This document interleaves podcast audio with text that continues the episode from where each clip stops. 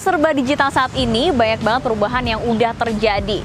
Salah satunya terjadi pada uang. Sekarang udah nggak zaman lagi nih nyimpen uang banyak-banyak di dalam dompet. Karena saat ini uang sudah bisa menjelma hanya dalam bentuk angka.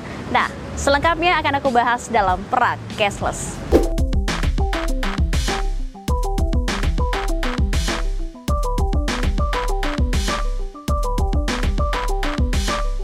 Ada beragam banyak eh, banget macam-macam dompet digital yang udah beredar di publik dan diketahui masyarakat nih. Contohnya ada Dana, ada OVO, ada GoPay, ada Link Aja, ada Cashback dan banyak lainnya. Tapi saat ini aku akan kasih reviewnya ke kalian hanya empat teratas yang paling banyak digunakan oleh masyarakat. Ada OVO, ada GoPay, ada Dana dan juga Link aja. Yang pertama aplikasi OVO. Pasti udah banyak banget nih teman-teman yang pakai aplikasi OVO kan. Nah, kalau kita lihat kelebihan-kelebihannya di OVO ini apa aja sih? Yang pertama untuk pembayaran Grab. Kalau kita pakai OVO, Grab itu akan lebih murah. Banyak banget promo-promo dari OVO supaya kita bisa dapat diskon untuk pembayaran GrabFood, untuk pembayaran GrabCar atau GrabBike. Jadi banyak banget keuntungan kalau kita pakai OVO karena harganya relatif lebih murah dan juga kita nggak perlu repot-repot untuk ngeluarin uang cash kalau kita mau bayar pakai Grab.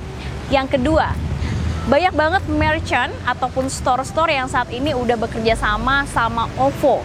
Jadi nih kalau misalkan kita datang ke mall, kita nongkrong ke tempat kopi ataupun ke store-store lainnya di mall, ini pasti udah banyak banget mall-mall yang juga menerapkan aplikasi OVO untuk pembayaran digital mereka. Jadi kita nggak usah repot-repot lagi untuk bawa uang yang banyak. Dan salah satu yang juga menjadi perhatian kita sebagai anak muda tentunya adalah diskon yang ditawarkan oleh OVO. Diskonnya nih tiap bulan ini bisa mencapai 30 hingga 60 persen. Ini jumlah yang sangat besar banget nih tentu. Karena kalau misalkan kita hitung-hitung aja untuk diskon yang dikasih sama OVO ini bisa mencapai 30 ribu per struknya atau per transaksi. Bayangin berapa uang yang bisa kita hemat kalau kita pakai OVO karena diskon yang ditawarkan. Nah, kelebihan selanjutnya OVO juga bisa menjadi salah satu alternatif kita untuk melakukan pembayaran ataupun transfer antar bank. Jadi kalau kita pakai OVO, kita punya saldo di OVO, kita top up, kita bisa transfer antar bank dan juga dengan sistem layanan yang free atau gratis tanpa biaya bulanan ataupun biaya transaksi. Nah, selanjutnya kita kalau misalkan kita pakai OVO, ternyata di aplikasi OVO ini juga ada yang namanya aplikasi OVO Invest Beta dalam fiturnya. Nah, apa sih Invest Beta ini? Ternyata kita juga bisa nih, selain kita ngasih uang kita, mengendapkan uang kita di saldo OVO, kita juga bisa berinvestasi melalui aplikasi OVO yang ada fitur Invest Betanya. Terus selanjutnya kalau misalkan kita pakai OVO, dia juga punya fitur pay later. Jadi buat kamu-kamu nih yang ternyata akhir bulan terus nggak punya uang, belum gajian, tapi harus beli makan, harus beli barang, terus harus naik Grab atau melakukan pembayaran lainnya, kalian bisa pakai OVO dan juga menggunakan fitur pay later. Jadi kalian bisa beli sekarang, bayarnya nanti. Nah, tapi OVO juga punya kekurangan-kekurangan nih Salah satunya kalau kita lihat dari uh, layanan transfer antar banknya. Sekarang udah nggak kayak dulu lagi nih OVO. Kalau dulu tanpa batas maksimal biaya transfer ini masih bisa gratis. Tapi kalau saat ini cuma 10 kali untuk biaya transfer antar bank per bulannya dapat gratisnya cuma 10 kali. Jadi sangat-sangat terbatas sekali.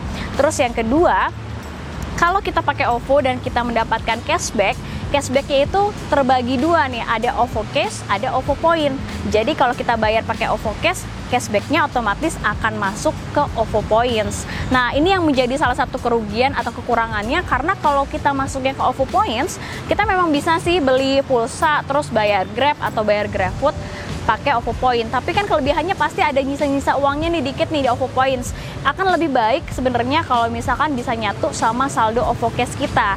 Jadi nanti total dari keseluruhan saldo OVO kita bisa kita transfer ke ke rekening pribadi kita. Nah, untuk uh, OVO Invest Beta ini memang masih dalam percobaan nih. Jadi nggak tahu nih sampai kapan mungkin fitur ini akan terus berlangsung. Tapi buat kamu yang mau daftar, ini kamu bisa banget buka aplikasi OVO terus dengan minimal investasi Rp10.000 itu udah bisa banget. Dan juga nanti daftarnya cara-caranya ada di aplikasinya, sangat mudah, bisa menggunakan KTP dan keuntungan yang didapatkan bisa mencapai 7% per tahunnya. GoPay. Nah, sama kayak OVO, GoPay juga salah satu dompet digital yang udah terkenal banget nih karena GoPay ini aplikasinya langsung nyatu sama si Gojek.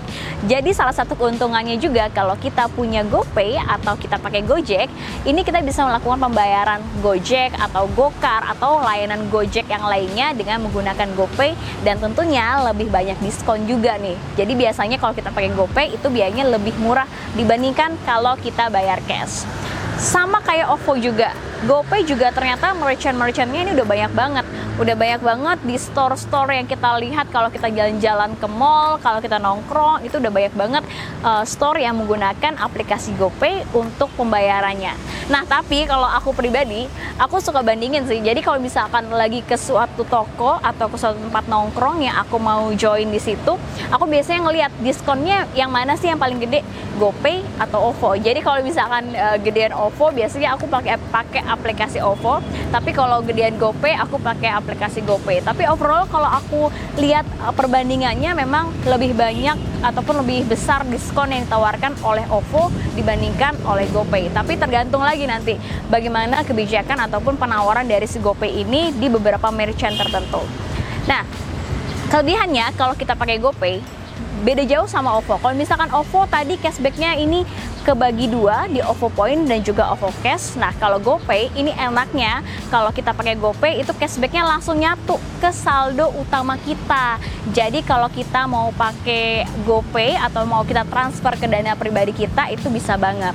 Sama di GoPay ini juga ada aplikasi ataupun fitur yang namanya ah, transfer antar bank. Jadi kalau kamu mau mindahin dana kamu dari GoPay ke aplikasi ataupun ke rekening kamu itu bisa banget.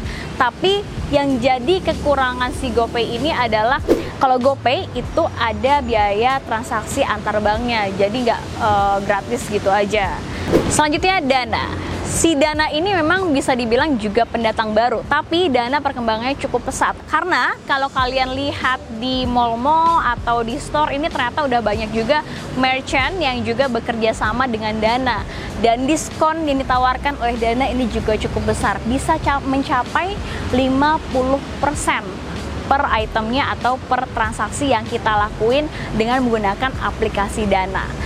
Dana juga bisa transfer antar bank Terus yang menjadi salah satu ketertarikan orang-orang nih biasanya kalau menggunakan aplikasi Dana adalah untuk top up atau menggunakan Tix ID. Jadi buat kamu yang suka nonton cocok banget bisa pakai aplikasi Dana karena kalian bisa menggunakan Dana ini untuk nantinya top up menggunakan uh, Tix ID jadi lebih hemat juga nontonnya karena banyak diskon yang ditawarkan oleh Tix ID. Jadi pakai Dana ini juga otomatis bisa menghemat pengeluaran dana nonton kamu. Nah, selain uh, diskon yang ditawarkan yang juga cukup besar bisa transfer antar bank kemudian juga bisa tax ID nah kekurangannya kalau si dana ini memang sih sekarang udah banyak banget store-store yang bekerja sama dengan dana tapi nggak sebanyak OVO sama GoPay. Jadi kalau misalkan ngelihat di salah satu store ini memang banyak aplikasi yang udah menggunakan dana tapi nggak semuanya udah terjangkau sama si dana jadi kalau totalnya ini masih banyakkan OVO dan juga GoPay. Selanjutnya, Link Aja. Link Aja juga salah satu pendatang baru yang uh, dimiliki oleh BUMN. Keuntungannya kalau kita pakai Link Aja nih, kalau kamu salah satu pendatang ke kota Jakarta atau ke suatu tempat dan ternyata kamu sering banget menggunakan yang namanya kereta api lokal. Nah, ini keuntungannya kalau kamu pakai link aja, ini kamu bisa membeli tiket kereta lokal dengan menggunakan aplikasi Link Aja karena Link Aja menjadi satu-satunya transaksi pembayaran atau alat pembayaran untuk melewati aplikasi KAI Access. Jadi kalau misalkan kita mau beli uh, kereta lokal, kemudian juga mau beli tiket kereta api, itu bisa bayar pakai link aja. Jadi kita nggak usah ngantri-ngantri di stasiun buat beli kereta api. Terus memang kalau kita ngomongin soal diskonnya, memang saat ini udah banyak juga sih beberapa store yang udah bekerja sama dengan link aja. Tapi kenyataannya memang belum sebanyak OVO, GoPay, dan juga Dana karena dia masih pendatang baru. Nah, kalau kamu punya aplikasi link aja dan juga pengguna Telkomsel, itu enak banget karena kalau misalkan kita punya aplikasi My Telkomsel, itu dana link aja kamu langsung otomatis menjadi satu terkorelasi tergabung uh, dalam aplikasi My Telkomsel. Jadi kamu nggak perlu lagi download aplikasi link aja. Jadi bisa menghemat space untuk di handphone kamu. Tapi yang juga jadi kekurangan link aja, diskon yang ditawarkan itu kurang menarik jadi kurang heboh, kurang besar, nggak sebesar Dana, OVO dan juga GoPay. Karena dia biasanya cuma ngasih diskon sebesar 10%, 20% atau 30% aja.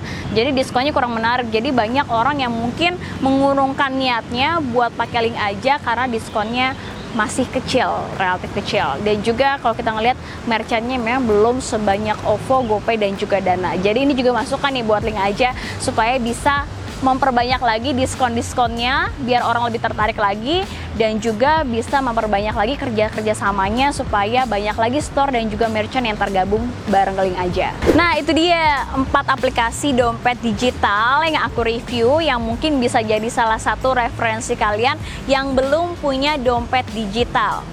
Tapi ada tapinya nih kalau kita punya dompet digital yang banyak, tanpa sadar uang kita itu terpencar-pencar secara virtual. Jadi kita nggak sadar sebenarnya kita punya uang yang banyak tapi terpencar-pencar. Dan itu juga membuat kita menjadi seorang yang lebih konsumtif lagi. Jadi saran aku kalau kamu mau punya dompet digital boleh aja, apalagi keuntungannya banyak banget, cukup menarik. Tapi harus kontrol diri dan juga tetap bijak menggunakannya. Nah, kalau kamu punya saran-saran dan juga komentar untuk next video, kamu bisa taruh di kolom komentar di bawah. Dan juga jangan lupa untuk subscribe dan see you on the next video.